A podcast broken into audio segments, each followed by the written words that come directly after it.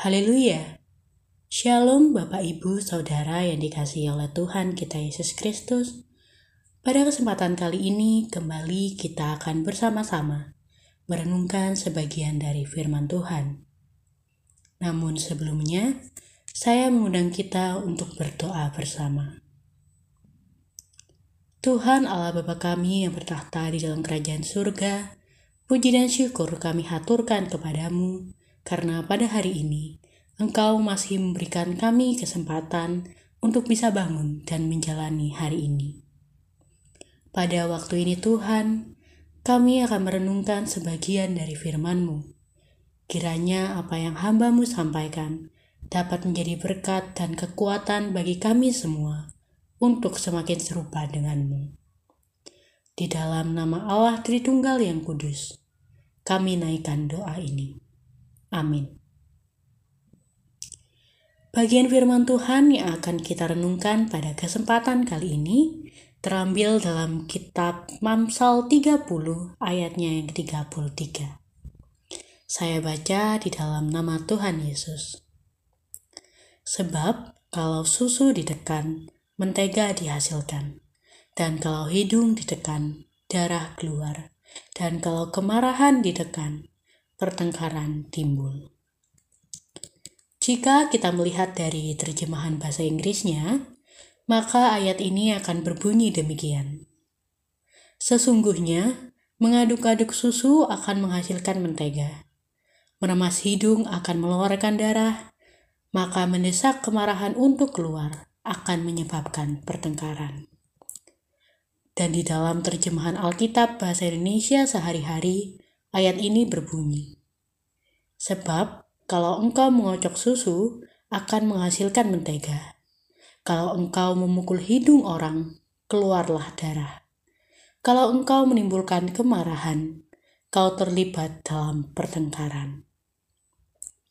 Dari beberapa versi terjemahan di atas, saya mengambil kesimpulan bahwa nasihat yang diberikan oleh penulis Amsal ini sangat jelas bagi kita yaitu supaya kita berhati-hati agar tidak menjadi penyebab timbulnya kemarahan. Kemarahan dapat timbul melalui beberapa cara. Salah satunya adalah melalui perkataan dan perbuatan. Di dalam kehidupan sehari-hari, kita sering kali menemukan orang-orang yang cenderung berkata-kata ataupun melakukan sesuatu yang memancing kemarahan orang lain baik itu secara sengaja ataupun tidak sengaja. Inilah yang disebut dengan mendesak kemarahan untuk keluar. Mereka dapat membuat orang marah bukan hanya kepada yang pemarah, tetapi juga kepada orang yang penyabar. Penulis Amsal ini memberikan sebuah perumpamaan yang bagus, yaitu bagaikan susu diaduk dapat menghasilkan mentega, bagaikan hidung yang diremas dapat mengeluarkan darah, maka kemarahan yang dipancing keluar akan menimbulkan pertengkaran.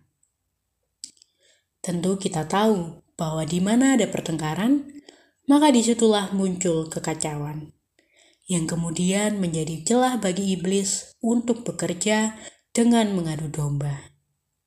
Artinya, Memancing kemarahan orang lain sama dengan membuka jalan bagi iblis untuk bekerja.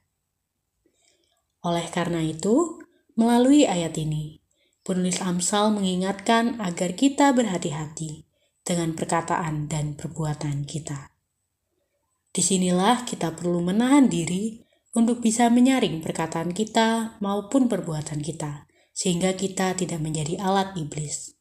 Sebaliknya, melalui perkataan dan perbuatan kita, kita sekiranya bisa menjadi berkat bagi orang lain.